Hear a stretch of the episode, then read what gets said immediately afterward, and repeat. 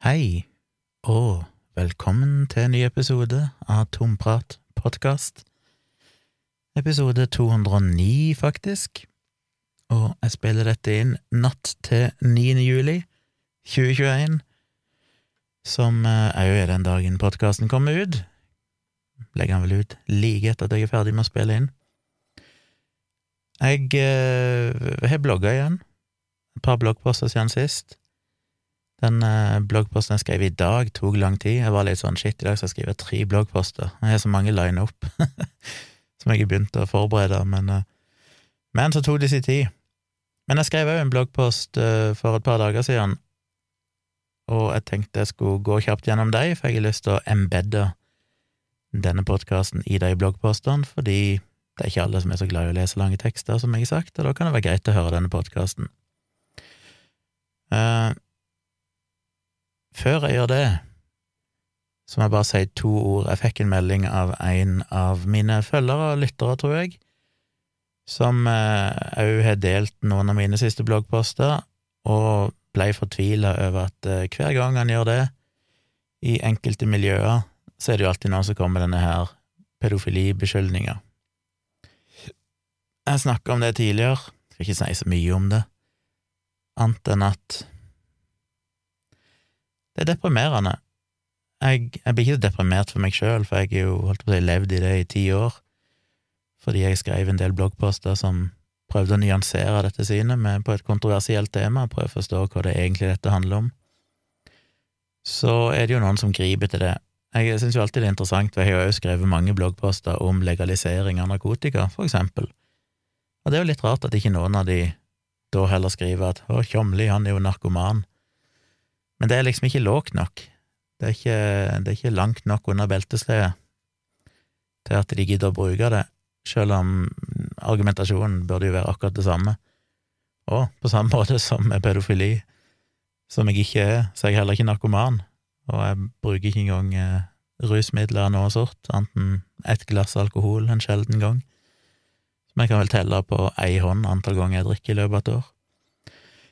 Så det, det, er liksom Det er bare frustrerende, ikke så mye for min egen del, fordi jeg syns jo de tingene jeg har skrevet om pedofili og barneporno, er viktige. Jeg er ganske overbevist om at det har bidratt, egentlig takket være den enorme debatten som kom i kjølvannet av dette Nettavisen-greiene og sånn for ganske mange år siden, da hele sosiale medier var liksom i fyr og flamme, og, og det var ekstremt mye bråk rundt det. Og det har jo vært et par rettssaker som ikke jeg har vært involvert i, men der bloggpostene mine har vært tema fordi at andre har saksøkt folk for å ha blitt kalt pedofile. Eh, og da har blant annet mine bloggposter blitt lagt fram. Og det har jo alt, alt det styret der har jo Og det ble skrevet mange artikler i all slags eh, aviser og tidsskrifter der alt fra psykologer til jurister til andre gikk gjennom, journalister gikk gjennom bloggpostene mine og skrev liksom at dette var jo helt uproblematisk, det som var skrevet der. Til og med blitt slått fast i retten at det er nyanserte og gode bloggposter om et kontroversielt og vanskelig tema. Så jeg må jo si at jeg tror det har bidratt til et en viktig løft i forståelsen til folk angående akkurat det vanskelige temaet. Og eh, som jeg snakket om i podkasten her tidligere, så får jeg jo i ny og ne mail av folk som sjøl sier de er pedofile, eller tiltrukket av mindreårige. Eh, jeg har jo både fått av en som ble fengsla, som jeg vel ikke egentlig tror var pedofil, men som vel bare falt for fristelsen til å gjøre noen dumme ting på nett, eh, med noen som var underage. Og så har jeg jo fått mailer fra noen som ikke er praktiserende pedofile, for å si det på den måten, som bare er liksom takknemlige for at det er noen som skjønner at det er et helvete å være født sånn, og ha den å ha en primær tiltrekning mot noen du aldri kan ha sex med, eh, eller ha noen relasjon med på et romantisk nivå er jo selvfølgelig helt forferdelig. Det er jo det er vel litt som å bli født uh, hvis du var født som uh, homofil i en verden der alle andre enn deg var det motsatte kjønn. Det er liksom Det må jo være ganske irriterende, for å si det mildt. Uh, vanskelig. Så det gjør jo at jeg føler at det er verdt det, må jeg jo si. Og det er verdt det, altså det, det, er verdt det fordi det løfter debatten, det er verdt det fordi jeg vet at det er mennesker der ute som sliter med de tingene, og som setter pris på at noen kan skrive saklig og, og nyansert rundt de temaene uten å vise fordømmelse og liksom banalisere den vanskelige debatten. Eh, men òg fordi at jeg har jo opplevd gjennom alle de årene at de som har brukt den type beskyldninger, aldri har vunnet fram. Alle de som har vært hardest på dette, er jo basically glemt. De er forsvunnet. For gjennom å debattere på den måten, så ender du jo bare opp med å marginalisere deg sjøl og fremstå som eh, en som ikke er interessert i å diskutere det debatten faktisk handler om, som er for eksempel vaksine eller homopati eller hva det måtte være, man Og det er jo det som er taktikken. Taktikken er jo å unnlate å forholde seg til de poengene som er i bloggpostene mine om for eksempel covid-19 og covid-vaksiner nå nylig, og prøve å avspore debatten med å diskreditere meg som skribent, men enda viktigere bare slippe å forholde seg til temaet og måtte innrømme at oi, her er jeg kanskje ikke rett, eller her må jeg sette meg inn i ting. Og det vinner en jo ikke fram på i et langt løp, ja, kanskje du føler du går seirende ut av et eller annet obskurt kommentarfelt på Facebook som ingen leser, men det er jo ikke de stemmene som blir hørt om ti år. Og jeg har jo holdt på med dette nå i ganske så mange år, og jeg er her ennå, jeg har fortsatt en stemme. Så det plager sånn sett ikke meg så mye. Jeg, jeg, ser det jo egentlig ikke lenger. Jeg vil jo ikke at folk skal drive og tagge meg og sende meg bilder og si 'hei, se hva de skriver om deg'. Jeg vet at folk skriver det, men jeg vet òg at de som skriver det så godt som utelukkende, er folk som ikke er spesielt oppegående. Alle som, holdt på å si, har en fornuftig røst i debatten, som har noe av substans å komme med, har jo alle jo ingen av de som driver med sånne beskyldninger, selv om de er dønn uenige med meg. Og det sier jo litt. Dette er jo folk som aldri vil, eh, vil ha noen innflytelse på noen selvs måte, så det plager ikke meg så mye, men det plager meg litt at andre må slite med det. At folk som deler mine bloggposter, ender opp med å eh, få den usaklige responsen, og kanskje da òg føle seg forplikta til å måtte forsvare meg på et vis. Og det syns jeg er kjipt på deres vegne. Jeg føler meg som skyldig at jeg belaster de med det på grunn av noe som jeg har skrevet for mange år siden. Det syns jeg er kjipt, men det er liksom ikke noe jeg kan gjøre med det, dessverre. Uh, eneste jeg kan gjøre med det, er jo det som jeg gjorde tilbake i januar, når jeg begynte å blogge igjen etter å ikke ha blogga noe særlig i to år. Jeg begynte jo å blogge litt igjen, som dere merka veldig i det siste fordi det med vaksinedebatt og pandemi og sånn inspirerer meg. Det er så mye desinformasjon, og da trigger det meg til å tenke at shit, jeg må skrive noe om dette. Og da så jeg jo med en gang at de pedo-kommentarene dukket opp rundt forbi. Så da skrev jeg jo en bloggpost der på en måte bare oppsummerte den debatten, viste til alt var skrevet om dette i utallige tidsskrifter og aviser, jeg viste til retts... Hva heter det?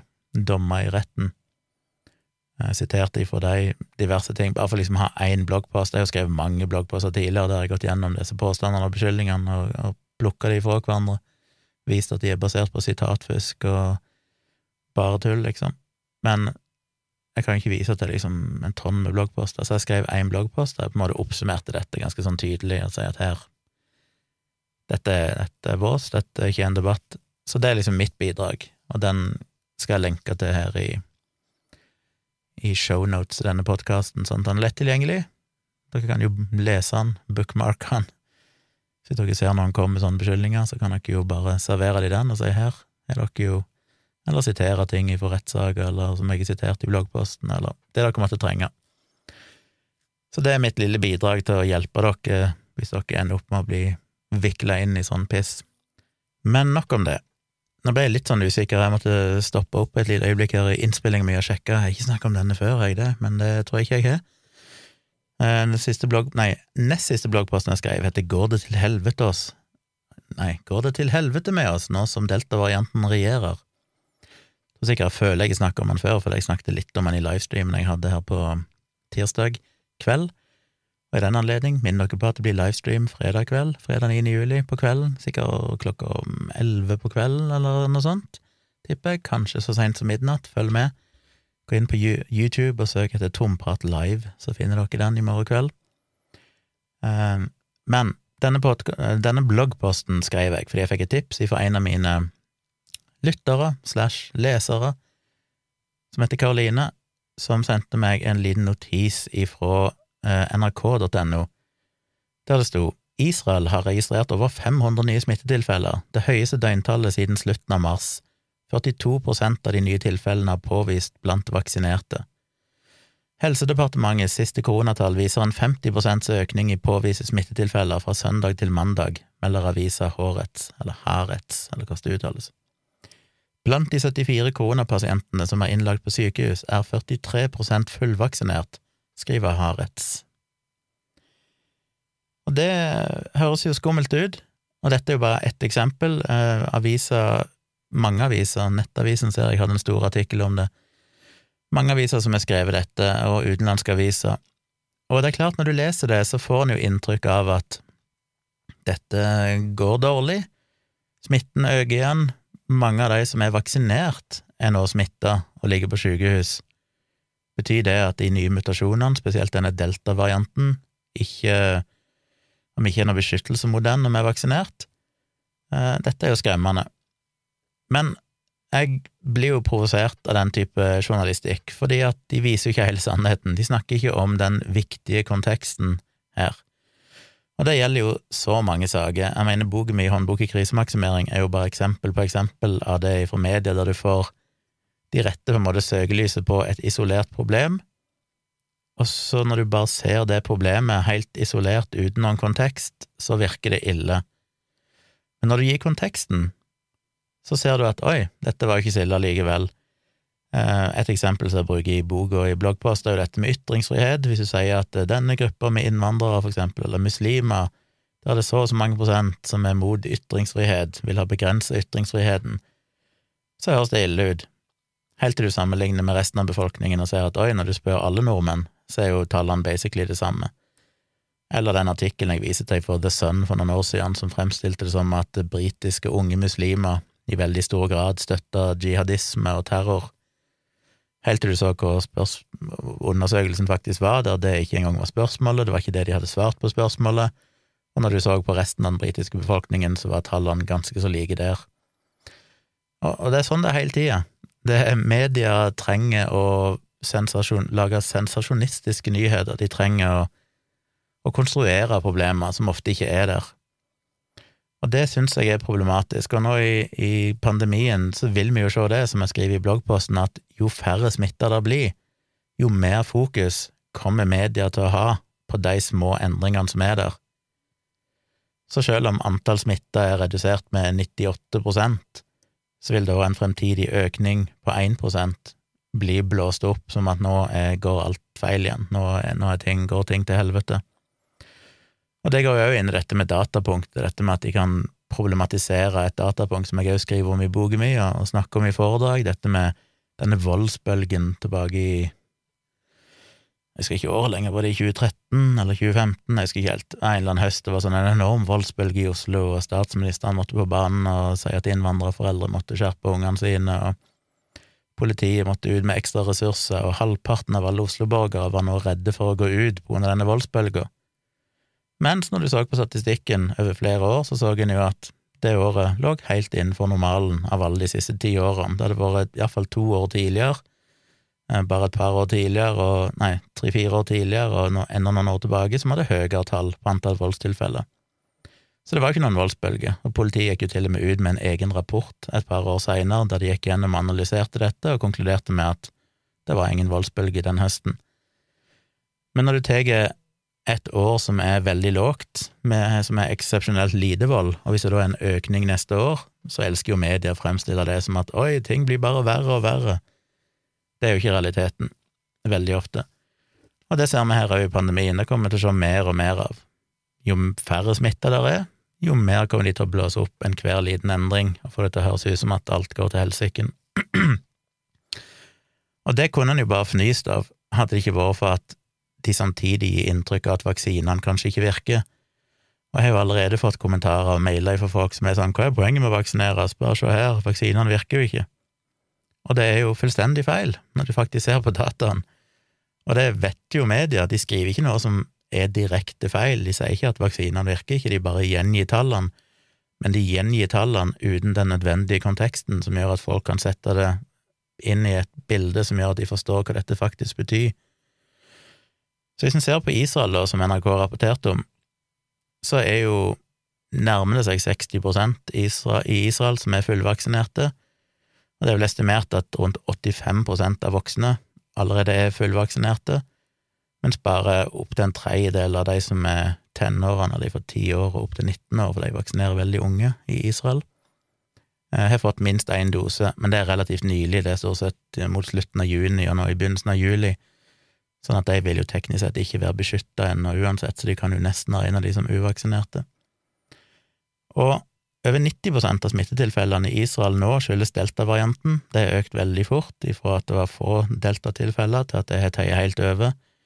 Og det er ikke så rart, for den er jo rundt dobbelt så smittsom som det opprinnelige viruset, rundt halvannen ganger mer smittsomt enn alfa-varianten, som er den varianten som vi tidligere kalte for den britiske mutasjonen, eller B117. Men det viktige er å se på, ja, de har rapportert 500 nye smittetilfeller, og så skriver NRK at det er det høyeste det har vært siden slutten av mars. Men hvis du ser på statistikken over uh, smittetilfeller i Israel siden pandemien starta, eller siden 1. mars i fjor, så ser en jo at det hadde en peak rundt uh, ja, begynnelsen av januar, årsskiftet omtrent, litt ut i januar, så pika det, og da var det jo så mye som det må ha vært opp mot en 12 nesten 13 000 smittetilfeller hver dag på det meste. En periode så lå det på mellom 8 og 10 000, eller 8 og 12 000 smittetilfeller per dag. Så sånn sett er jo 500 lite, og det er på tross av at det er et dobbelt så smittsomt virus. Eh, så tallene nå ligger jo på bare 5% av det de gjorde før de begynte å vaksinere, og ser en på grafen her, så ser en jo at etter de begynte å vaksinere, så raste jo tallene nesten ned til null. Og det er jo liksom Det er jo det vanlige vaksineproblemet vaksiner virker så godt at med en gang du ser bare en liten sånn økning i et eller annet, så får folk ideen om at vaksinene virker ikke. Men de glemmer jo hvordan det var før vaksiner, da tallene var 99 eh, eller tallene i dag er liksom under 1 av det det var før en begynte å vaksinere for de fleste sykdommer. Egentlig mindre òg, kanskje en promille av det det var før de begynte å vaksinere. Så det gir jo et veldig misvisende tall. Um, og de sier altså det er det høyeste døgntallet siden slutten av mars, det var det jeg skulle si. I slutten av mars så var det jo veldig få smitta, da lå det òg på rundt 500, men det var jo etter at det hadde rast ned fra 12 000 om dagen. Så det å si at det er det høyeste døgntallet siden slutten av mars, for de som ikke har grafen foran seg, så kan det fremstå som at oi, det er jo like ille nå som under den, ja, hva var det, tredje bølgen av pandemien, som ofte var den verste mange plasser. Så det er jo teknisk sett riktig det de skriver, ja, det er det høyeste døgntallet siden slutten av mars. Problemet er bare at mars et, slutten av mars er et veldig rart referansepunkt, for da var det ekstremt lave smittetall i Israel. Hadde de sagt sammenlignet det med begynnelsen av februar eller slutten av januar, så hadde de jo ødelagt hele saken. Da hadde de jo vist at dette var nesten ingenting. I tillegg så er det jo sånn at eh, vaksinene beskytter godt ennå. Det er jo litt omdiskutert hvor godt eh, Pfizer og Moderna spesielt beskytter mot eh, delta-varianten. Der har jo Israel, helsemyndighetene i Israel kommet med noen tall, og de mener at, at det er redusert til helt ned til 64% beskyttelse mot smitte fra delta-varianten. Men det er, som jeg skrev i den nyeste bloggposten, som jeg skal snakke om etterpå, et uh, ganske omdiskutert tall, da det er flere som mener at de har, det er veldig foreløpige tall. De har brukt en rar metodologi Metode? Metodikk? Hva er det rette ordet? Jeg vet ikke. Uh, for å regne ut det, med en del svakheter og feil. Storbritannia har jo gjort samme utregninger. De kom jo fram til at uh, vaksinene fortsatt beskytter 88% mot deltasmitte etter to doser. Så sannsynligvis er nok de tallene for Israel for lave. Men det viktige er jo egentlig ikke hvor mange som blir smitta, det viktige er jo hvor mange som faktisk blir sjuke, og eventuelt da kan dø av det. Og der er jo beskyttelsen fortsatt veldig god, den er fortsatt på rundt 93 òg eh, for delta-varianten, ned ifra noen prosent høyere mot de tidligere mutasjonene. Så litt svekka beskyttelse, men definitivt mer enn godt nok til at vaksinene er nyttige. Ikke bare nyttig, det er jo fortsatt eksepsjonelt høye tall. Jeg mener ingen hadde engang trodd at uh, vaksinene skulle virke 93% mot den opprinnelige viruset. Så det at de viser seg å virke rundt 95% var jo bedre enn noen kunne håpet på.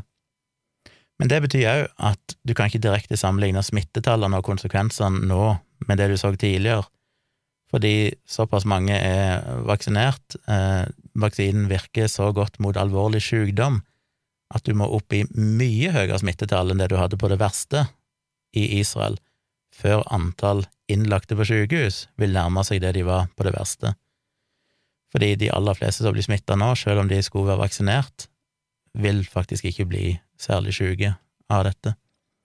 Så du må altså opp i en 30-40 ganger høyere smittetall for at du skal få det samme problemet med sykdom fra covid-19 i Israel som du hadde tidligere.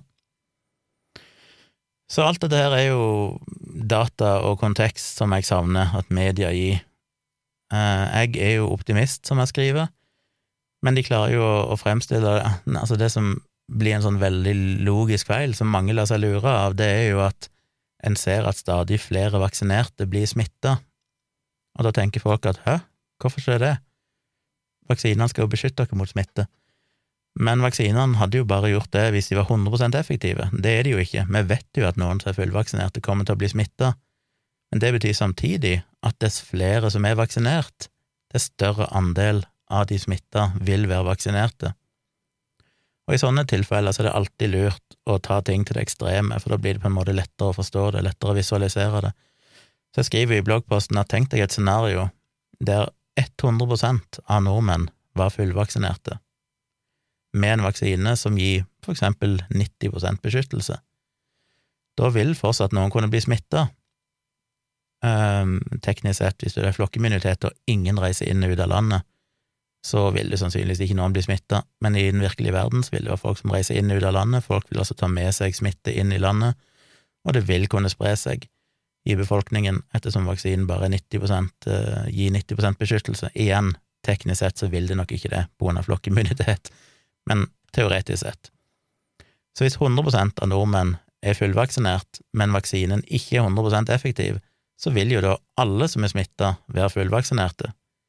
Det betyr jo ikke at vaksinen ikke virker, det betyr bare at det vil være ekstremt mye færre smittetilfeller enn det ville vært hvis ikke folk var vaksinert. Men det vil ikke være null, fordi vaksinen ikke er 100% effektiv. Så som jeg skriver, at eh, jo mindre risikoen er, dess kraftigere forstørrelsesglass bruker media. Og eh, det er liksom viktig å huske på alltid det jo det jeg skriver om i håndbok i krisemaksimering. Jeg har jo et sitat der som gjenger på akkurat det samme fra en eller annen journalist og forfatter som jeg ikke husker navnet på, som sier noe av det samme, og han relaterer det til vold. Vi har jo mye mindre vold og kriminalitet nå enn det vi hadde for 20 år siden. Og jo mindre vold og kriminalitet det blir, jo mer dekker media det, jo mer grundig dekker media det. Eh, en voldshendelse i dag får jo mye mer oppslag fordi det er så unikt, enn det det gjorde da det var mye mer vold, det var mer vanlig. Så sånn vil det være, og det må alle være veldig oppmerksom på. Så jeg ser jo lys på framtida. Jeg tror jo virkelig at på tross av alt det vi leser i media nå, der de er veldig opptatt av å vise at dette går feil vei, og enkelte land begynner å stramme inn igjen og sånn, ja, det gjør de, for det, vi ønsker jo helst ikke å ha en økning i smitte. Og dess mindre smitte vi har, jo mer sårbare er vi når det begynner, eller jo mer på vakt er vi kanskje når de begynner å se smittetallene øke igjen. Men i realiteten så går dette veien. Dette er jo det vi ønsker å se. Antall smitta er jo veldig mye lavere enn eh, det det var før vaksinering. Eh, vi ser jo litt av effekten av det i Norge allerede, men vi trenger jo å få vaksinert enda flere i Norge før du virkelig begynner å se den effekten, før liksom flokkimmunitet virkelig begynner å bli en gjeldende faktor.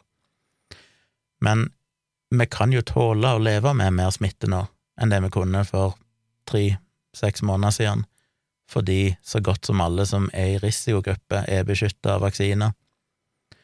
Eh, og vi ser jo òg det at de som er vaksinert og blir smitta, i veldig mye mindre grad enn før, eller enn uvaksinerte, blir syke av det. Så selv om du kan bli smitta, så er risikoen for å bli syk veldig, veldig liten, og veldig, veldig få som blir alvorlig syke hvis de er fullvaksinerte. Og alt det der må vi ha i bakhodet. Du kan ikke sammenligne smittetall nå med det som gjaldt for seks måneder siden, for det er en helt annen situasjon. Vi kan tåle høyere smittetall nå enn det vi kunne tidligere, uten at det er de samme negative konsekvensene. Så jeg oppfordrer jo til å senke skuldrene, for all del. Ta, få vaksinen din, ta imot den, og ikke la deg skremme av media i dette tilfellet. I tillegg så vet vi jo at jeg så Pfizer nå jeg allerede jobber med en eh, litt sånn tweaka versjon av vaksinen, som også tar høyde for delta-varianten. Så worst case så må vi revaksinere om et år, kanskje. Det er jo ikke noen konkrete planer om det, og det er jo veldig lovende data på at eh, det ser ut til at Pfizer og Moderna-vaksinene kanskje vil gi mange, mange år, kanskje livslang varighet, beskyttelse, men det er klart det avhenger jo litt av nye mutasjoner. Så ja, jeg er optimist, og det håper jeg dere òg er. Men så over til den lange bloggposten jeg skrev i dag. Og før jeg begynner å snakke om den, så må jeg ta meg en liten sipp med Cola Zero. Fordi den heter Stig spør, og jeg svarer på utallige misforståelser og myter rundt covid-19 og vaksiner. Det er en fyr som jeg eh, ikke sier hvem er, annet enn at han heter Stig. Jeg vet vel teknisk sett heller ikke hvem han er, annet at jeg vet e-postadressen hans. Han har drevet og maila meg masse. Jeg får jo òg en del meldinger på Instagram og sånn, folk driver og sender meg linker uten å nødvendigvis kommentere det noe mer. Det er litt sånn bare sånn ha-ha, hva sier du til dette, Tjomli? Og så er det bare alltid et eller annet jeg allerede har blogga om og vist at det er feil, og som bare er tull og vås. Og det er ganske slitsomt, for det, jeg prøver jo å svare folk. Ja, ikke alltid, hvis ikke de skriver noe, bare sender meg en link, så er det ikke alltid jeg gidder å engasjere meg så mye, men, men, hvis de på en måte utviser en slags reell bekymring eller interesse for hva er dette her for noe, har du et svar på dette, så prøver jeg jo å svare de. Og spesielt når de sender det på mail. Han eh, Stig har jo sittet i timevis for å svare, fordi jeg får linker tilsendt og sånn, og så må jeg sjekke hva det er, og så må jeg formulere et svar, og det tar tid. Så da jeg fant ut, at jeg hadde brukt så lang tid på svarene, så kopierte jeg alt av innholdet i mailene over i en bloggpost og tenkte shit, dette her kan jeg jo like godt legge ut i bloggen min. Han er jo som nevnt anonymisert, så det er jo ikke for å henge ut han på noe selvs vis. Han har vært øh, høflig, for så vidt. Han har ikke vært en sånn, altså Det er jo folk som er skikkelig ufordragelige. Men uh, ingenting galt med Stig, han har masse spørsmål. Jeg syns jo at han ikke resonnerer så veldig bra, kanskje, og veldig lett lar seg lure, og ikke kjenner alle disse logiske tankefellene som vi stadig vekk går i, og, og all vitenskapen bak dette, men, men, han stiller jo ærlige spørsmål, og jeg har forsøkt å svare så høflig jeg kan, selv om jeg kanskje av og til blir litt sånn øh, dette her kunne du ha funnet ut sjøl, hvorfor meg bruke tid på dette? Men jeg eh, la det inn i en bloggpost, og så reformulerte jeg jo ganske mye av det, da, for at det skulle bli litt mer lesbart enn det jeg kanskje klatter ned i en mail. Så jeg tror det endte opp med sju e-poster eller noe sånt. Jeg skal ikke ta absolutt alt her i denne podkasten, men jeg skal ta noen av hovedpoengene. Eh, den første mailen som jeg fikk for noen dager siden, den handla jo om denne her artikkelen som er blitt trukket tilbake nå en uh, forferdelig håpløs forskningsartikkel skrevet av en dude uh, ved et polsk universitet, vel, som brukte tall ifra dødsregisteret, som jeg snakker om mange ganger, ikke kan brukes til dette, for det er jo ikke tall som er knyttet opp mot vaksiner. Det er, bare, det er litt som i Norge med disse bivirkningsrapportene der de sier at 179 personer har dødd etter vaksinering i Norge. Og ja, det er helt riktig, men eh, det dør folk hele tida. Disse tilfellene skriver jo Legemiddelverket veldig tydelig i rapportene sine. Disse er ikke knytta opp mot vaksinene, det er ikke dokumentert. Eh, det lengste en kan gå, er vel å si at muligens så kan ti av de være sannsynlige, men det var jo ti dødsfall på sykehjem hos veldig gamle og skrøpelige mennesker som òg ikke døde fordi vaksinen var farlig, men døde fordi de fikk en helt vanlig immunrespons fra vaksinen, som vi alle får. Men alle vanlige mennesker takler jo det helt fint, kanskje du får litt muskelsmerter, litt lett feber og sånn, men hvis du allerede er døende og er over åtte på denne skrøpelighetsskalaen, som basically betyr at du må ha kontinuerlig pleie og ikke har mange måneder igjen å leve, best case, kanskje bare dager eller uker, så kan en lett feber være det som eh, får deg til å krepere. Og det ville òg skjedd hvis de fikk kunne skjedd hvis de fikk en Paracet, en Ibux, et eller annet, fordi det skal så lite til. Helt milde bivirkninger som vi tåler helt fint, kan da ta knekken på en sånn person. Og det er så viktig å huske på, for det, er jo ikke noe dokumentasjon på at vaksinen er farlig. I beste fall så er det en dokumentasjon på at en ga vaksinen til noen som en ikke burde gitt den til, og det har en jo tatt lærdom av og prøvd nå i større grad å vurdere med såpass skrøpelige folk om det er verdt å gi dem vaksinen, om, de, om risikoen ved vaksinen kan være større enn eh, risikoen for å bli smitta av covid-19. Og det er jo en vurdering som endrer seg over tid, alt etter hvor smittetallene er, hvor mange rundt de som er vaksinert, alt mulig sånn. Eh, så tidlig i, i vaksineringsløpet så var nok det en Så helte kanskje den risikoen mer i favør av å ikke vaksinere, fordi det var større risiko for å bli smitta. Eh, nå, når de fleste som de sikkert omgir seg med, er vaksinert, så synker det, så det blir et litt annet regnestykke. Men iallfall, en prøver å lære av det.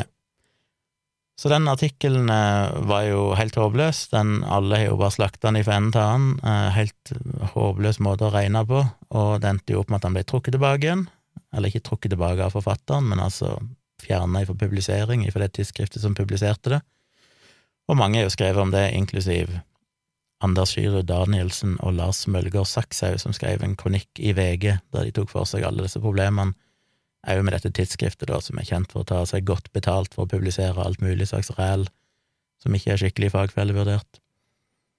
Så det er jo bare en sånn business, da, ta betalt for å publisere forskningsartikler av dårlig kvalitet. Og siden den gang, siden jeg skrev den Ja, dette var jo knyttet opp mot MDG-politikeren Susanne Hart, som jeg snakket om i forrige podkast, som skrev, brukte argumentasjonen basert på den artikkelen. Eh, men siden den tid så er jo òg han, han eh, duden, doktor Wallach, som skrev den artikkelen, han er jo da blitt ekskludert eller mista jobben sin ved dette universitetet. Ikke bare på grunn av den studien, men fordi det òg kom fram at han hadde publisert en annen studie i, for noen måneder siden som hevder å vise at masker ikke beskytter mot eh, covid-19 og det var jo en helt hårreisende dårlig studie, med bare helt sånn tåpelig bruk av statistikk, som ikke i det hele tatt viste det han mente at det viste. Så de har jo konkludert med at han er såpass useriøs at han kan ikke lenger representere det universitetet. Så det skriver jeg jo først om, og så nevner jo Stig denne Han skriver jo eh, Vaksinene skaper jo ikke immunitet, så argumentet for å vaksinere for å skape flokkimmunitet er jo ikke relevant. Spredningen i Israel er jo blant annet nettopp et bevis på dette. Og da viser jeg jo basically bare til det jeg nettopp har snakket om eh, i denne podkasten, og den bloggposten jeg skrev for noen dager siden, som viser at det stemmer jo faktisk ikke. Det viser jo tvert imot at vaksinene virker veldig godt fortsatt.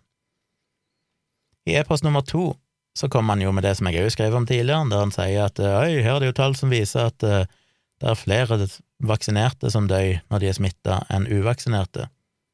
Og det skrev jeg òg en bloggpost om, for um, ja, et par uker siden, eller noe sånt, der jeg òg viser at det er jo fullstendig feil. Det jeg snakka om tidligere òg, men veldig kort sagt, så er jo bare det fordi at de kun ser på smitta personer. Og i ei gruppe som er vaksinert, så vil jo det per definisjon være mange, mange flere i risikogruppe og en mye, mye høyere snittalder enn i en uvaksinert gruppe, fordi de som ikke er vaksinert ennå, er jo stort sett unge og friske mennesker og de har jo i utgangspunktet ekstremt mye lavere risiko for å dø for covid-19. Så det er klart at hvis du smitter 1000 personer som er uvaksinert, som er unge og friske, og 1000 personer som er vaksinert og er gamle og skrøpelige, og, og faktisk har blitt smitta, altså, selv om de er vaksinert, så vil jo dødstallene selvfølgelig være høyere hos uh, de vaksinerte. Så det er det ene problemet. Det er to grupper du ikke kan sammenligne, for de er helt forskjellige. Det andre problemet er jo at hvis du At i realiteten så er det ikke sånn at du har 1000 uvaksinerte smitta og 1000 eh, vaksinerte som er smitta. Det er jo det de har brukt, ikke 1000 akkurat, men de har brukt bare De har sett på andelen smitta. Men i realiteten så var det jo ekstremt mange færre vaksinerte som var smitta, så realiteten var jo at det var basically 1000 uvaksinerte smitta sammenlignet med 100 vaksinerte smitta, og av de 100 så var dødeligheten litt høyere. Men ettersom det var da 90% mindre sjanse for i det hele tatt å bli smitta når du er vaksinert, så vil jo òg dødeligheten totalt sett være mye lavere. Og det er jo en sånn morsom statistisk greie som er så lett å la seg lure av, for når de bare bruker de som allerede har blitt smitta, og sammenligner de, så høres det jo ille ut, men når de da glemmer konteksten med at uh, ja, forresten, det var jo òg ti ganger så mange uvaksinerte som ble smitta enn vaksinerte, så er jo det en ganske viktig del av dette regnestykket, som da bare blir glatt oversett. Så det skriver jeg òg bitte grann om, ikke så mye, siden jeg allerede blogger om det. I e-post nummer tre så viser han jo til en interessant greie. Der han liksom gravd fram via et sånn antivaksinenettsted, så er det republisert en sånn rapport i denne Wires-databasen i USA som viser at et spedbarn som var noen måneder gammel, eh, fem måneder et eller annet gammel, visstnok skulle ha dødd av blodpropp eller noe sånt dagen etter mora ble vaksinert. Så små barn blir jo ikke vaksinert ennå. Men mora fikk vaksinen, og så har hun da amma dette barnet, og så døde barnet dagen etterpå. Og det blir jo, som seg hør og bør, rapportert inn til VAERS, for det er jo nettopp det som er greia med den databasen, at det er en plass både vanlige personer, men også helsepersonell, kan rapportere inn eh, mulige bivirkninger etter vaksinering, men det betyr jo ikke at det er en dokumentert sammenheng. Det er ikke sånn at de først gransker det før de velger om det skal publiseres eller ikke. Nei, alt kommer inn der, og så etterpå kan en begynne å granske om det faktisk var en sammenheng. For det første så vet en jo ikke om det tilfellet er reelt. Du kan jo, altså Det er jo rapporter i VRS-databasen om at folk er blitt til den eh, avskyelige hulken og sånn etter vaksinasjon som ligger der. Det ble vel fjernet etter ei lang tid når folk påpekte det, og de som er ansvarlige så at oi, dette bør kanskje fjernes. Eh, det er folk som dør i bilulykker, det er folk som dør av selvmord, det er folk som hevder at de har omtrent blitt selvlysende og blå, og folk som har fått alle mulige lidelser under denne himmelen dagen etter de ble vaksinert, men de helbreder seg sjøl med homopati, heldigvis, og sånn. Altså, det er alt mulig søppel der, så du kan ikke bare ta én isolert rapport og si at oi, her er et bevis. For det første fordi vi ikke vet om rapporten er reell, det er ingen som har klart å grave fram om denne saken faktisk skjedde, og det var tilbake igjen i eh, Når var det? Jeg husker ikke helt, det må jeg sjekke etterpå. Ble litt usikker om jeg skrev noe feil om datoen der. Men anyway, det er iallfall en gammel sak. Eh, men det de òg vet, at det var en tilsvarende sak for ikke så lenge siden, tidligere i år, der det var en to år gammel gutt som døde etter å ha fått Pfizer-vaksinen i USA. Og det er jo veldig, veldig rart, ettersom ingen to år gamle hadde fått vaksinen på det tidspunktet. Eh, den er jo ikke godkjent for så unge mennesker, men både Pfizer og Moderna har begynt å teste vaksinen på eh, små barn, men det begynte de med noen uker etter at denne personen, da denne toåringen, skulle ha dødd, så det var ingen som hadde blitt fått Pfizer-vaksine på det tidspunktet, så det var jo bare en ren fiktiv eh, rapport, som da òg ble fjernet etter hvert. Men det viser jo at det er sånn her, eh, hvis du bare finner et sånn enkelttilfelle, så betyr jo på ingen slags måte det at det nødvendigvis er et reelt tilfelle. Men la ikke si det var reelt, da. La ikke si at dette spedbarnet faktisk døde dagen etter mora ble vaksinert. Er det en sannsynlig sammenheng med vaksinen? Og svaret mitt er nok nei. For det første, som jeg jo har blogga om og snakka mye om, så er det jo veldig lite som tyder på, alle biodistribusjonsstudiene som er gjort og sånn, viser jo at det er jo basically ingenting av vaksinen som sprer seg i kroppen. Det er mindre enn 1% som kanskje beveger seg litt i kroppen, men det blir brutt ned veldig fort. Hvis noe av den prosenten da faktisk sprer seg i kroppen, kan det havne i morsmelket? Det sier òg alle eksperter at det er veldig lite sannsynlig, og jeg lenker til et par studier som har undersøkt det. Finner de, finner de noe av vaksinen i morsmelket til ammende mødre som er blitt vaksinert, og det finner de ikke. Så det er ingenting som tyder på at du vil finne igjen noe av vaksinen eller piggprotein eller noen ting av dette i morsmelken. Men om det så skulle ha vært noe av dette i morsmelken, kan det fortsatt ha skada barnet? Vel, da kommer det jo i så fall inn i munnen til barnet og havner ned i magen, og der vil det jo bare bli brutt ned og komme ut med bæsjen.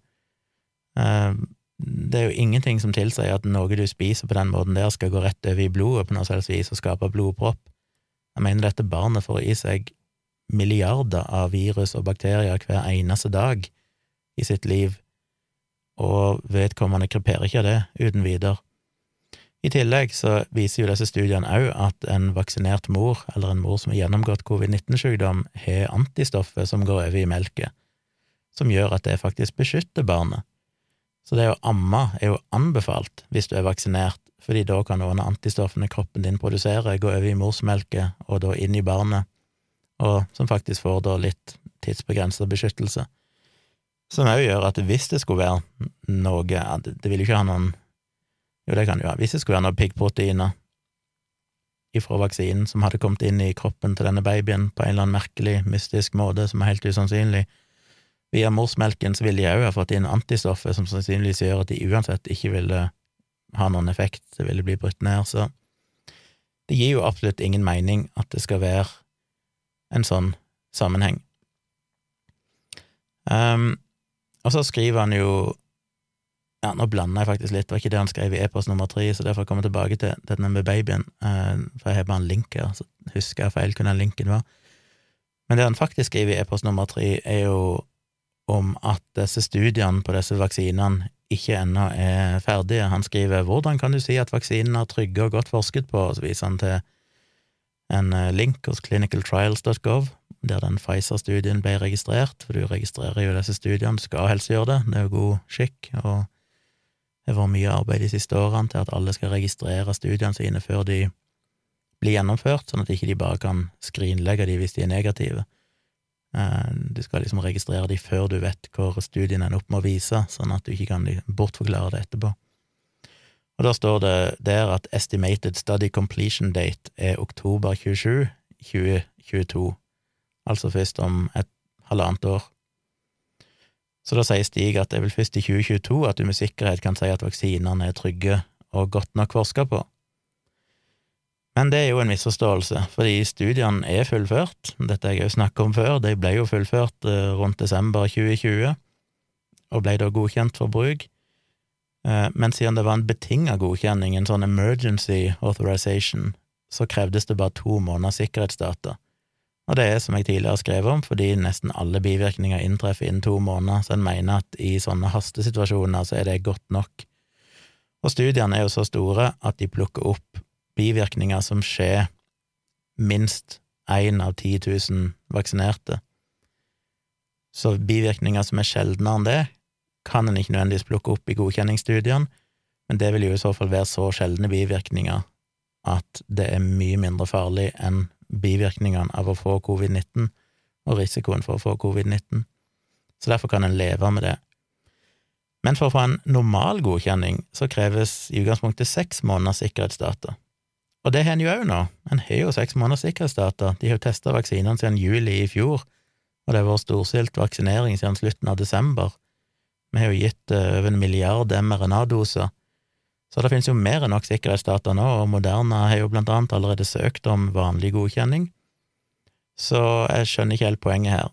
Men den ideen om at ja, men studien er ikke ferdig før i 2022, det er jo mange som tror at det er noe sånn rare greier de har funnet på akkurat med disse vaksinene, men det er det jo heller ikke, dette er jo helt vanlig praksis, det er jo det som kalles for, ja, noen kaller for en fase fire-studie, en har jo fase én, fase to og fase tre når en skal teste legemidler, og fase tre er liksom den store siste studien på mange mennesker.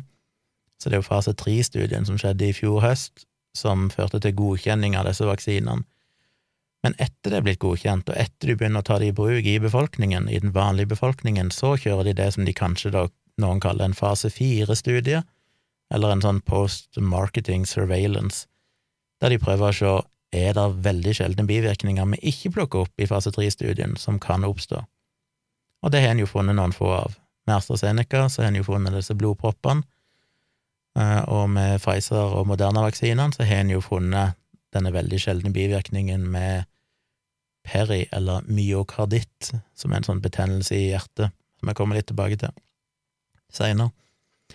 Så det finner en jo, det er ekstremt sjeldent, og derfor klarer du ikke å oppdage det i disse godkjenningsstudiene.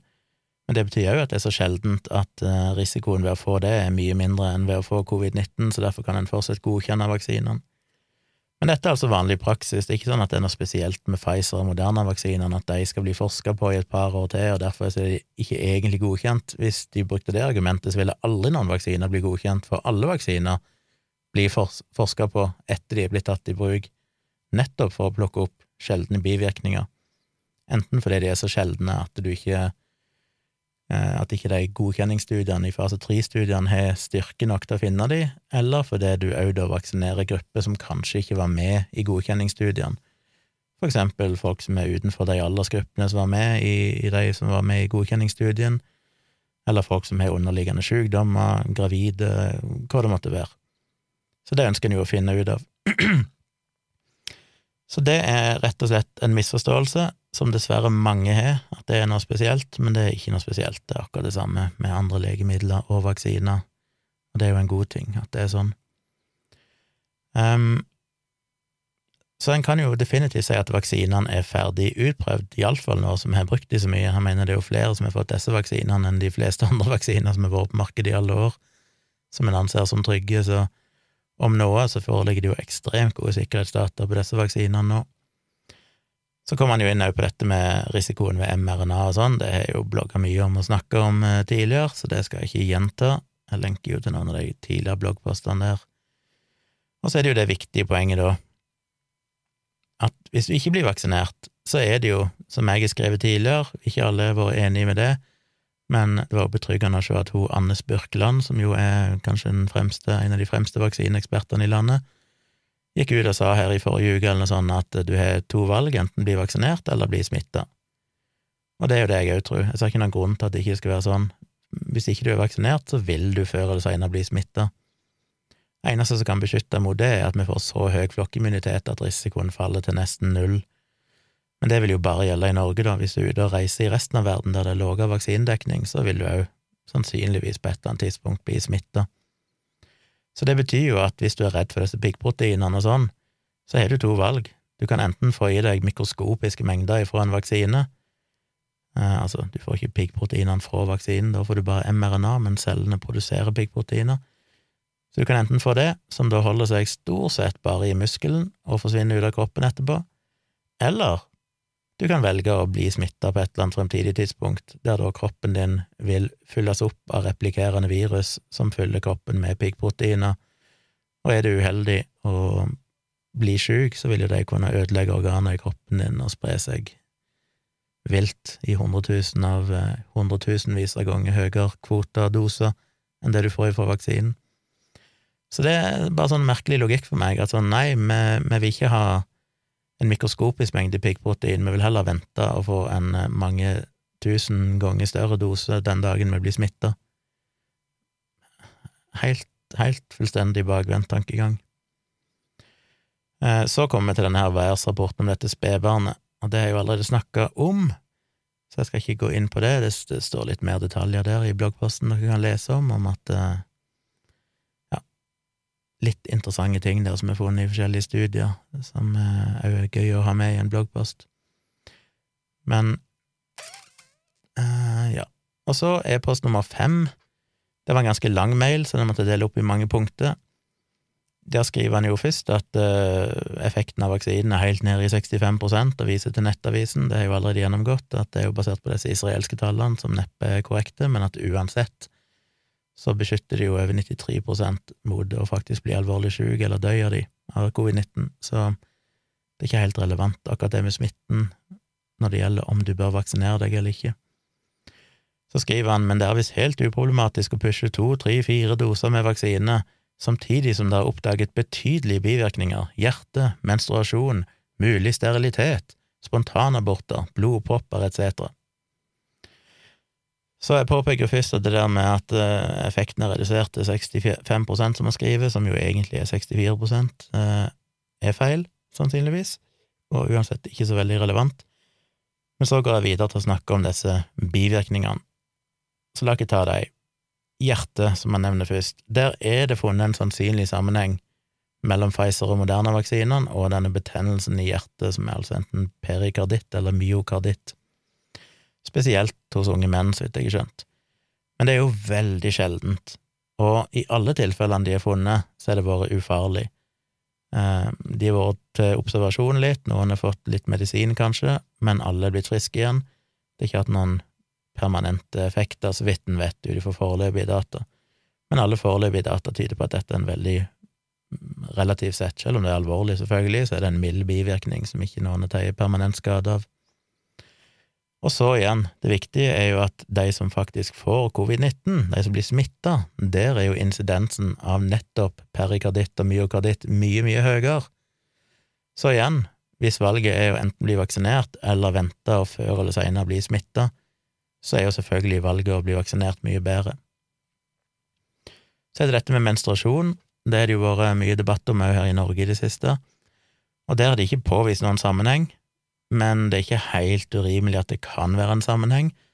Men da kommer vi tilbake igjen til det som jeg òg skal fyre av en liten bloggpost om, for jeg føler jeg må si noe om det. Jeg har snakka en del om det tidligere, muligens i Jeg tror jeg snakker om det i podkasten her òg, men òg i livestreams. At det faller under kategorien som jeg kanskje nesten ikke vil kalle en bivirkning. Ikke fordi at det selvfølgelig er ubehagelig og kan være skremmende og alt mulig for kvinner som opplever det, men fordi det er ikke en bivirkning i den forstand av at her har Eh, mens denne hjertebetennelsen må kunne anses som en reell bivirkning, for der er det på en måte en skade som skjer på kroppen knytta til vaksinen. Eh, så er jo menstruasjonsforstyrrelser mer sannsynlig litt det samme som at du får vondt i muskelen der vaksinen er satt, eller du kan få lett feber, eller du kan få litt muskelsmerter. Det er en konsekvens av immunresponsen, at kroppen får en slags betennelsesreaksjon, og det vet vi kan påvirke menstruasjonen.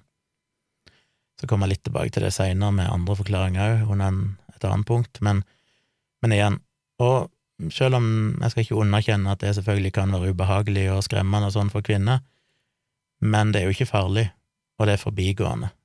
Så det er litt sånn Du kan velge mellom å få covid-19, som kan være dødelig, og kan gi deg long covid i ganske mange tilfeller, sjøl ved mild sykdom, eller ha en liten forbigående forstyrrelse i menstruasjonen, så tror jeg, selv om jeg var kvinne, at jeg hadde valgt det.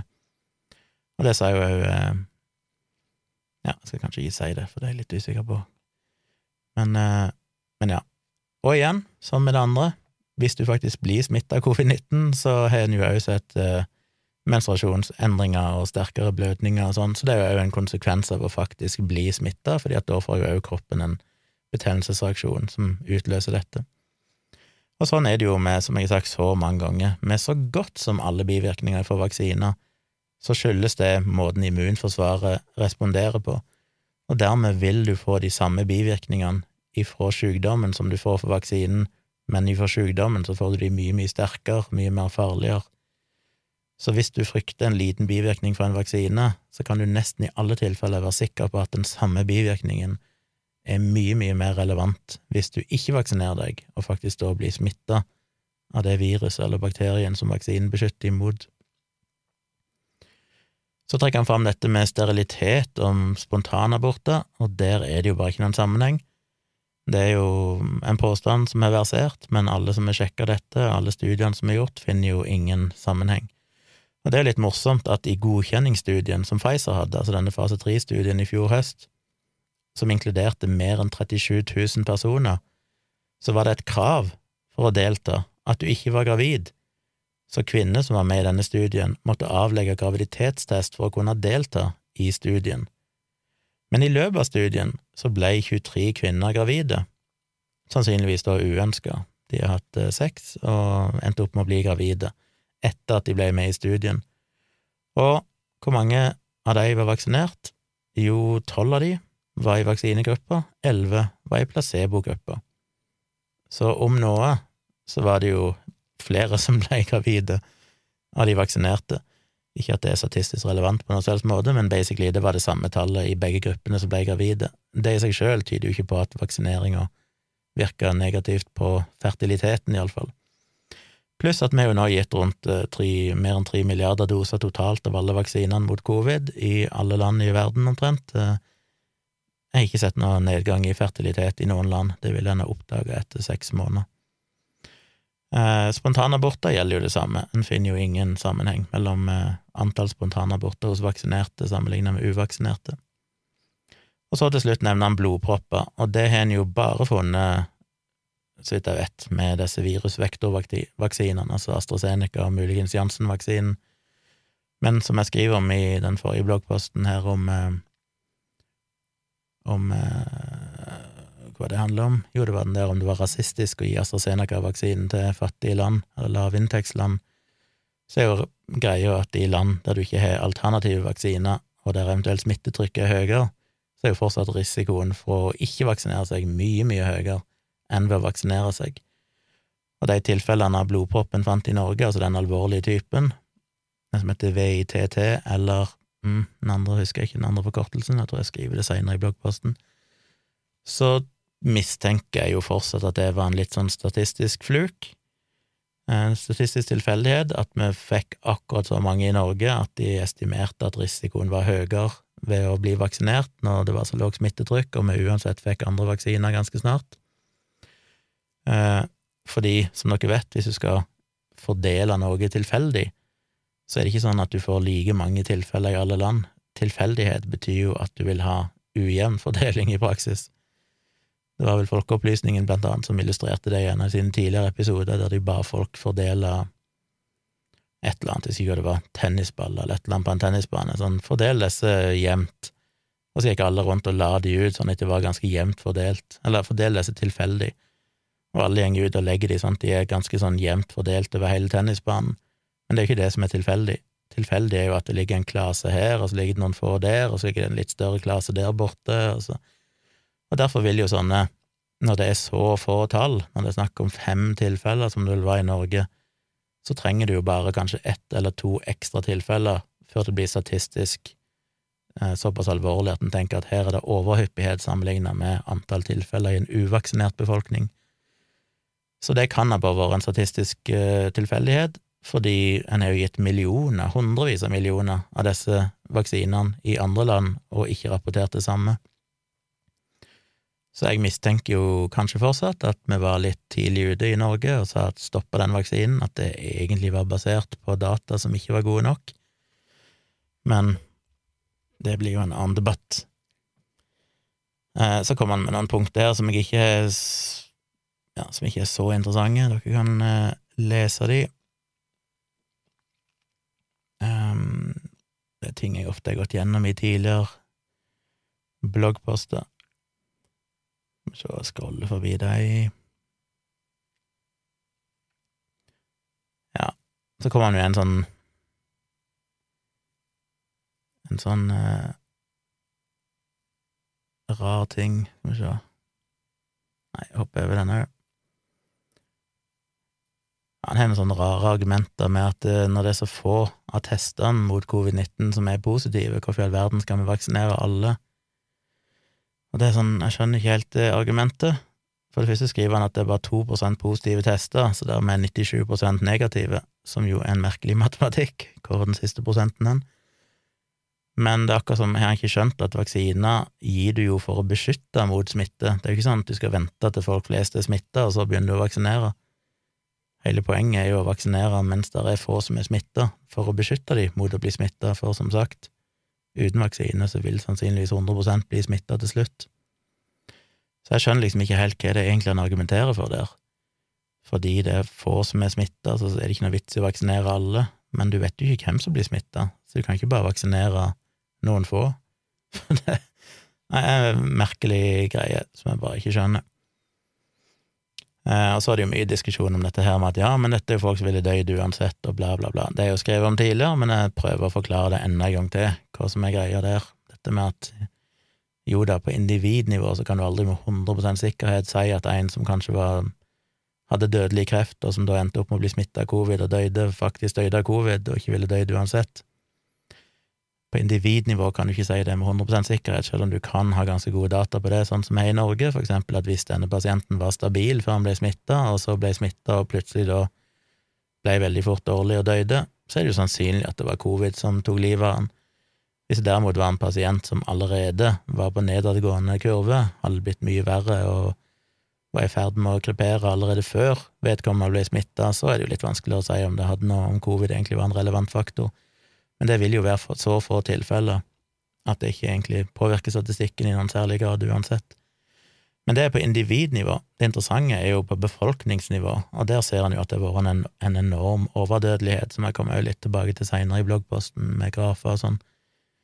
Um, vi har jo over fire millioner døde i verden, sannsynligvis er tallet over ti millioner hvis du tar med mørketall, og de fleste av de Eh, er jo dødsfall som ikke er i normalår, altså det er overdødelighet.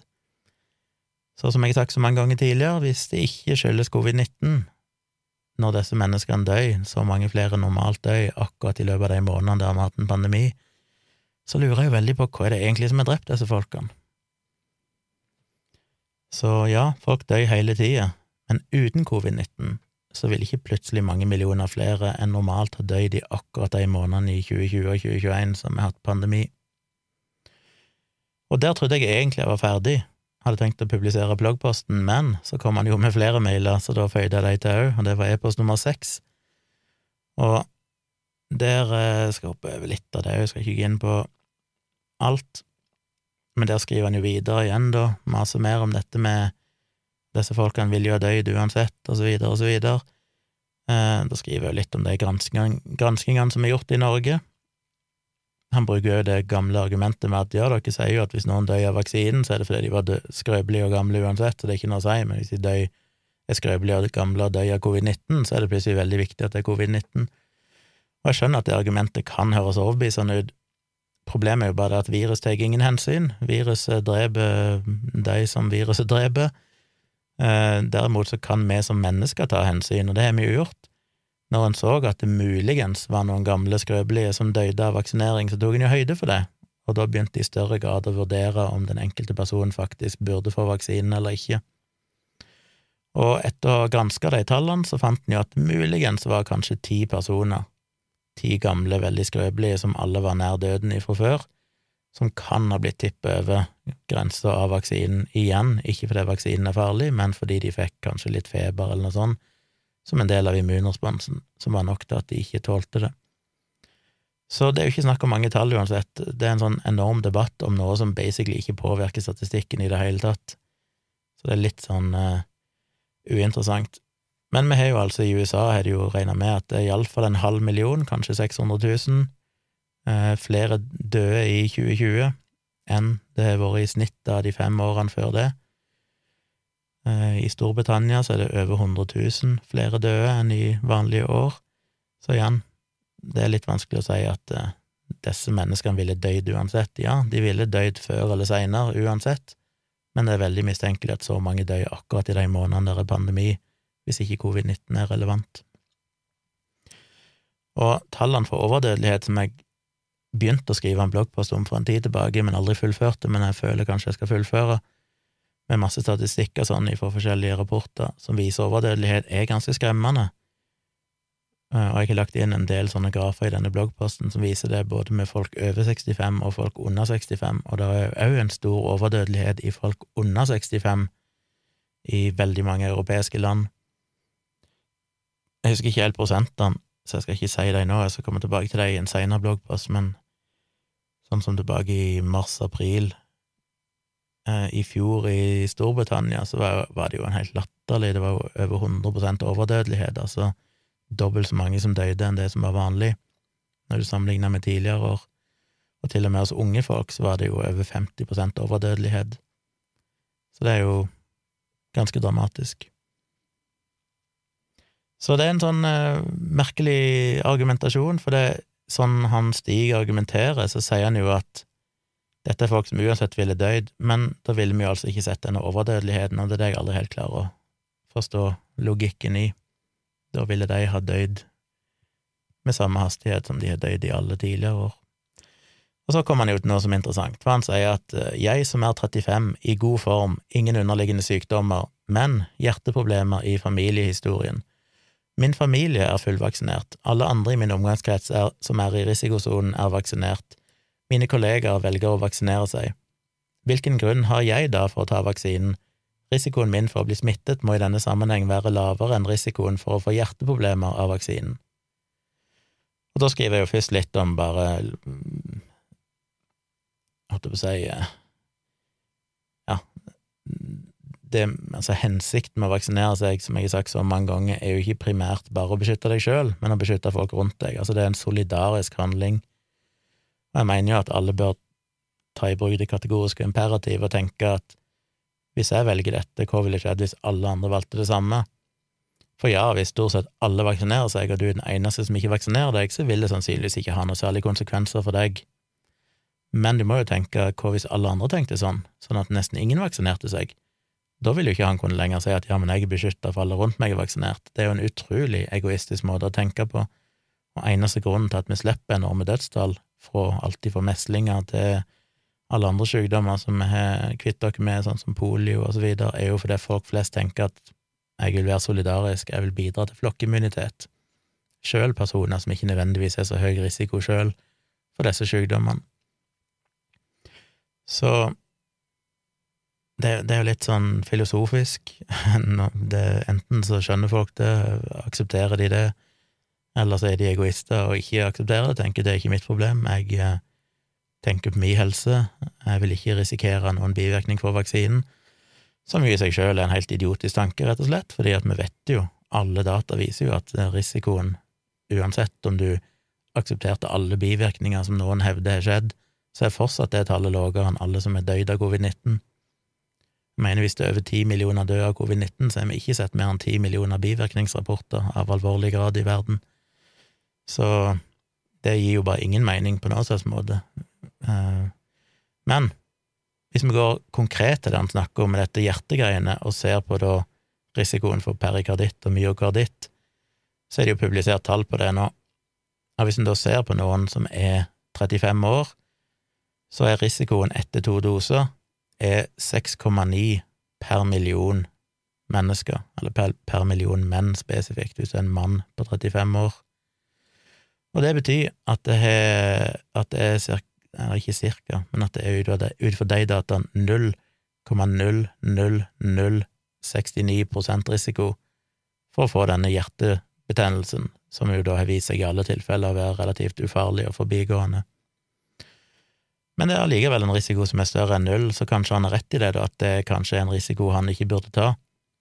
Men da må man jo alltid se på den andre sida av denne, dette regnestykket, det som jeg kaller for det falske nullpunkt, den ideen om at hvis du bare fjerner én risiko, så er du risikofri, og glemmer at alle valg du tar, innebærer en eller annen risiko. Det å velge å ikke vaksinere seg betyr at du samtidig velger å ta risikoen ved å ikke vaksinere deg. Og hva er den risikoen? Jo, det har vi òg data på. De er jo igjen litt sånn usikre, fordi det er vanskelig å regne på det, og de er fra desember 2020 men der fant en jo at for en person på 35 år så lå risikoen på å bli så sjuk at du blir lagt inn på intensivavdeling på 0,026% og det er altså 40 ganger høyere enn risikoen for denne hjertesykdommen. Til og med risikoen for å dø av covid-19 hvis du er 35 år, er 0,0037% som fortsatt er fem ganger høyere enn risikoen for en sannsynligvis ufarlig og forbigående hjertesykdom. Risikoen for å bli så syk at du havner på sykehus, men ikke så syk at du havner på intensiven, er 0,18 for en 35-åring, altså 260 ganger høyere enn risikoen for å utvikle perikarditt eller myokarditt fra vaksinen. Så statistikken eh, hans gjenger jo ikke i hans favør. Og nå er jo det litt gamle tall, det endrer seg jo litt, hans risiko minsker jo etter hvert som flere blir vaksinert. På en annen side sett så har vi jo virus som nå er dobbelt så smittsomt, og så videre, så du kan jo øke dette, disse tallene ganske mye, og likevel vil han være tryggere med vaksinering. Spesielt fordi hvis han faktisk blir syk, så er jo òg risikoen for perikarditt og myokarditt mye, mye høyere enn risikoen er for vaksinene. Så du kan regne på dette på alle mulige måter, snu og vende på det, men, men du kan ikke argumentere med at risikoen ved å bli vaksinert er større enn ved å ikke bli vaksinert. Det viser jo alle data vi har. Og så, i sin eh, siste mail så går han tilbake til værstatistikken og sier at han skjønner jo godt hva den viser. Men så viser han til dette her. I tilfelle med spedbarnet, hvilke andre årsaker mener du er naturlig? Det er ganske tydelig cause and effekt. Og det er jo litt morsomt, fordi at jeg mener Jeg har jo skrevet så mye om det i placebo-defekten og i bloggposter, dette med post hoc ergo propter som er en sånn logisk tankefeil den ideen om at hvis det først skjer én ting, og så skjer det noe annet etterpå, så må den første tingen ha utløst eller forårsaka den andre tingen. Og det er jo nesten aldri korrekt. Det er jo bare hjernen vår som leter etter mønster og prøver å finne forklaringer på alt, eh, selv om de er feil. Og jeg blogga jo om det for ganske lenge siden, jeg skrev eh, de første rapportene om at noen gamle på sykehjem hadde dødd etter koronavaksinering. Og da viste jeg jo til det tilfellet med MMR-vaksinen og autisme, som jeg syntes var veldig godt. For der kan du jo regne på det og se hvor mange er det som får en autismediagnose i USA hvert år. Og hvis du da begynner å bryte deg ned på forskjellige tidsperioder, så finner du at hvert eneste døgn så vil det rent statistisk være 154 amerikanske barn som begynner å utvikle sine første symptomer på autisme.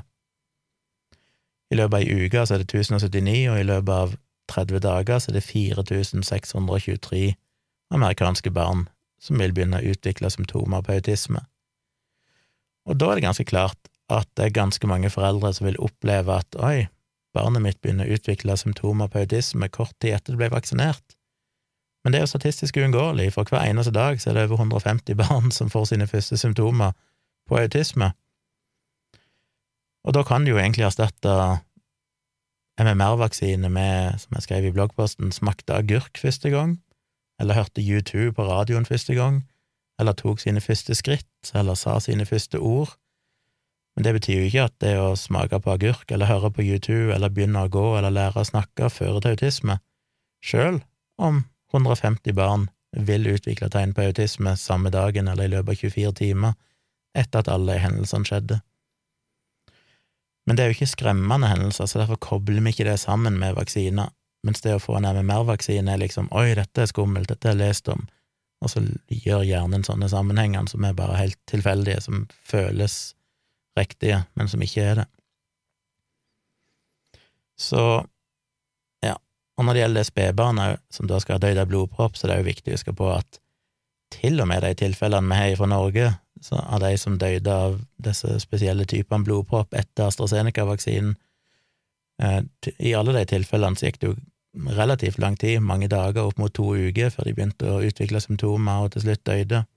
Dette barnet fikk jo symptomer dagen etterpå og døde innen 48 timer, og barnet var jo ikke vaksinert engang, så det må jo fått i seg mikroskopiske doser, hvis det i det hele tatt gjorde det, noe det mest sannsynlig ikke gjorde. Og det, ja, det er bare liksom utenkelig at det skal være noen sammenheng.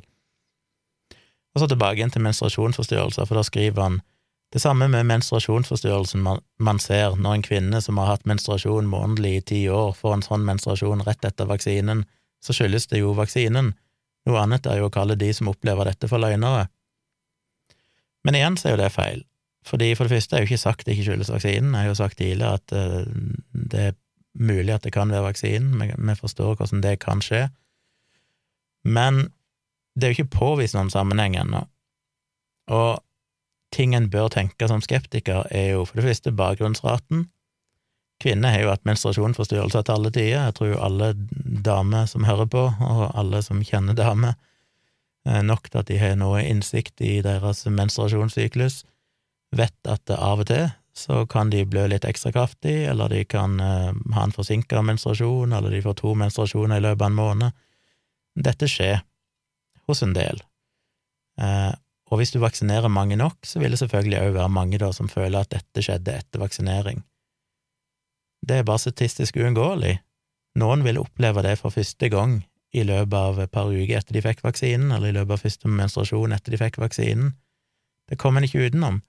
Og det som forhøyer den risikoen òg, er jo at vi har jo begynt med å vaksinere de eldste først, og gått nedover i alder. Og de som, på en måte de som nå sist er blitt vaksinert i mange land, er jo kvinner som er i overgangsalderen, eller nærmer seg, eller ja, har begynt å komme i overgangsalderen, og der er jo sånne menstruasjonsforstyrrelser desto mer vanlig.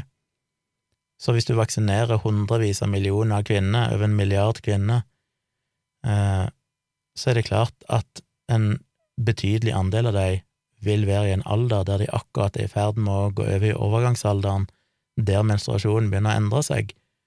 Så da vil du få tusenvis av tilfeller, kanskje, der kvinner sier at oi, nå skjer det noe rart der. Problemet er jo bare at det vil sannsynligvis òg skje med damer som ikke har fått vaksinen. Og de knytter det jo veldig fort til vaksinen, da, at oi, nå fikk jeg plutselig en forstyrrelse i menstruasjonen min, og jeg ble vaksinert for noen uker siden. Det må være en sammenheng, fordi de aldri fått den vaksinen før. Men det som òg er nytt for de, er at de har heller aldri nådd overgangsalderen før. Det er jo første gang, men det er ikke noe de kobler det til sånn umiddelbart. Jeg sier ikke at dette er årsaken, eh, vi vet jo ennå ikke om det er en overhyppighet av disse tilfellene, men før en har bekrefta det, så er det viktig å huske på at disse tingene spiller inn. Et annet fenomen er jo psykologien i det når et sånt fenomen blir omtalt i media, du leser om det overalt, så det er klart at mange kvinner blir mye mer bevisst dette problemet. Jeg vil tro de fleste kvinner blir det, som er helt naturlig. Det ville jeg òg blitt hvis det plutselig ble rapportert at menn eh, fikk eh, vondt i ballene etter vaksinen. Da ville jeg være mye mer oppmerksom på det. Hvis jeg da plutselig hadde kjent en eller annen smerte i en testikkel, så ville jeg hatt mye, vært, mye raskere til å si at det må skyldes vaksinen, enn hvis de ikke gjorde det, hvis jeg ikke hadde lest om det. Det er jo bare som, eh, som jeg snakket om tidligere, jeg havna jo på legevakten med disse smertene i brystet mitt, som mest sannsynlig er gallestein, men fordi jeg hadde lest om disse tilfellene av perikarditt og myokarditt, så er det klart at jeg plutselig tenkte på shit, kan det være vaksinen?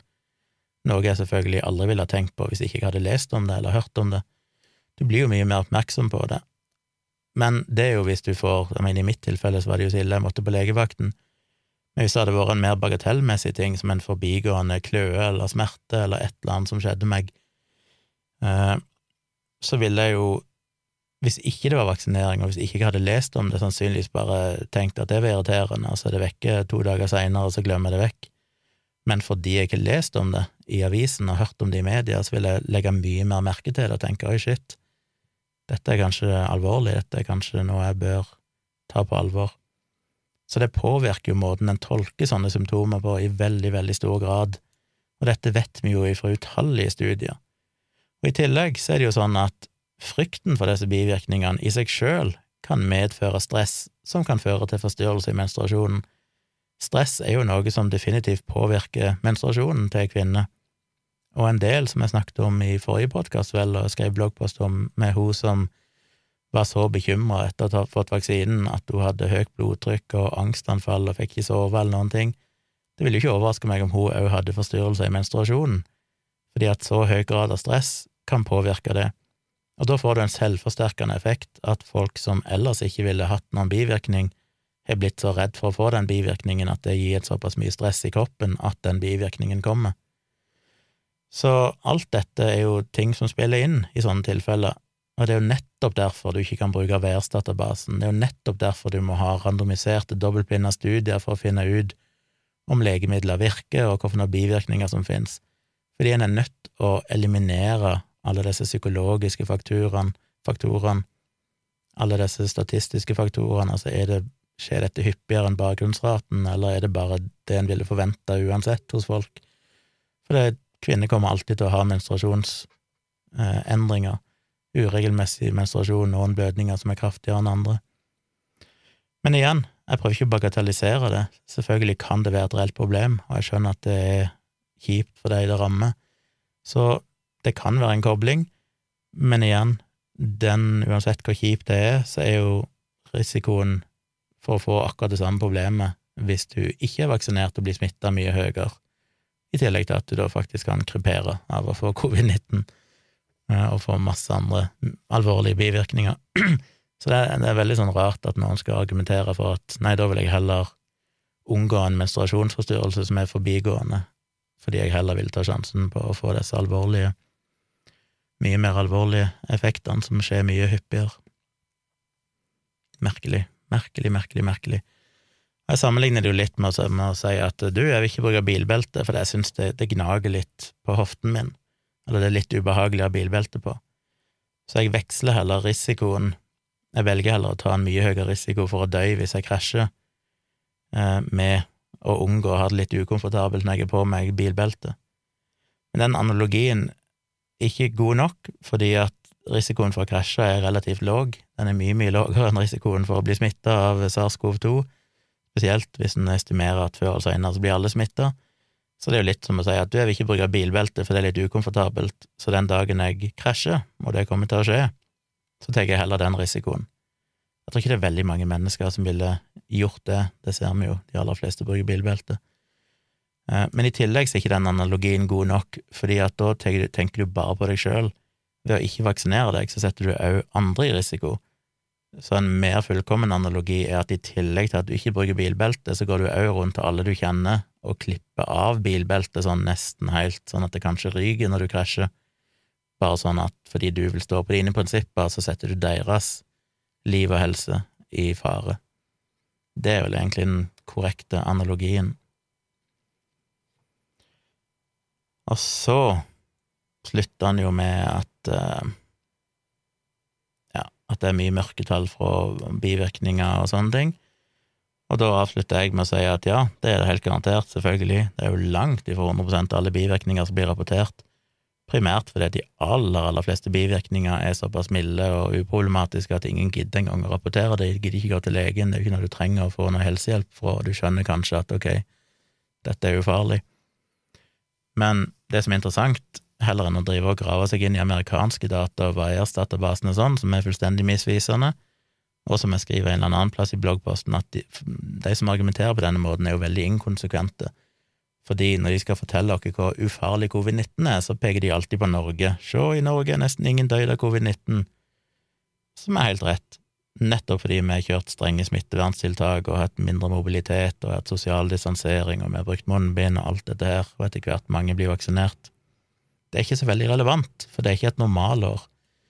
Eh, men med en gang de skal snakke om bivirkninger, så går de til utlandet, fordi norske tall er jo ikke ille nok der, så de går til land der de kan misbruke statistikk og ta værsrapporten og sånn, værstatistikken, som jo ikke er dokumenterte bivirkninger i det hele tatt, det er bare alt mulig mistenkte bivirkninger. Eh, eller ikke engang mistenkte nødvendigvis, det er bare ting som er skjedd etter vaksinering. Så jeg ber han jo heller ta litt kikk på norske tall, hva det er egentlig vi vet. I Norge har vi jo gitt rundt tre millioner vaksinedoser, hvis det virkelig var så mye bivirkninger og så mye skader fra vaksinene, så vil du se det ganske tydelig etter tre millioner doser. Så hva er det vi har sett i Norge? Jo, vi har sett at bare rundt fem per 10 000 vaksinerte har fått en bivirkning som blir kategorisert som alvorlig. Og igjen, alvorlig bivirkning i denne sammenhengen betyr jo ikke at folk blir alvorlig syke og permanent skada.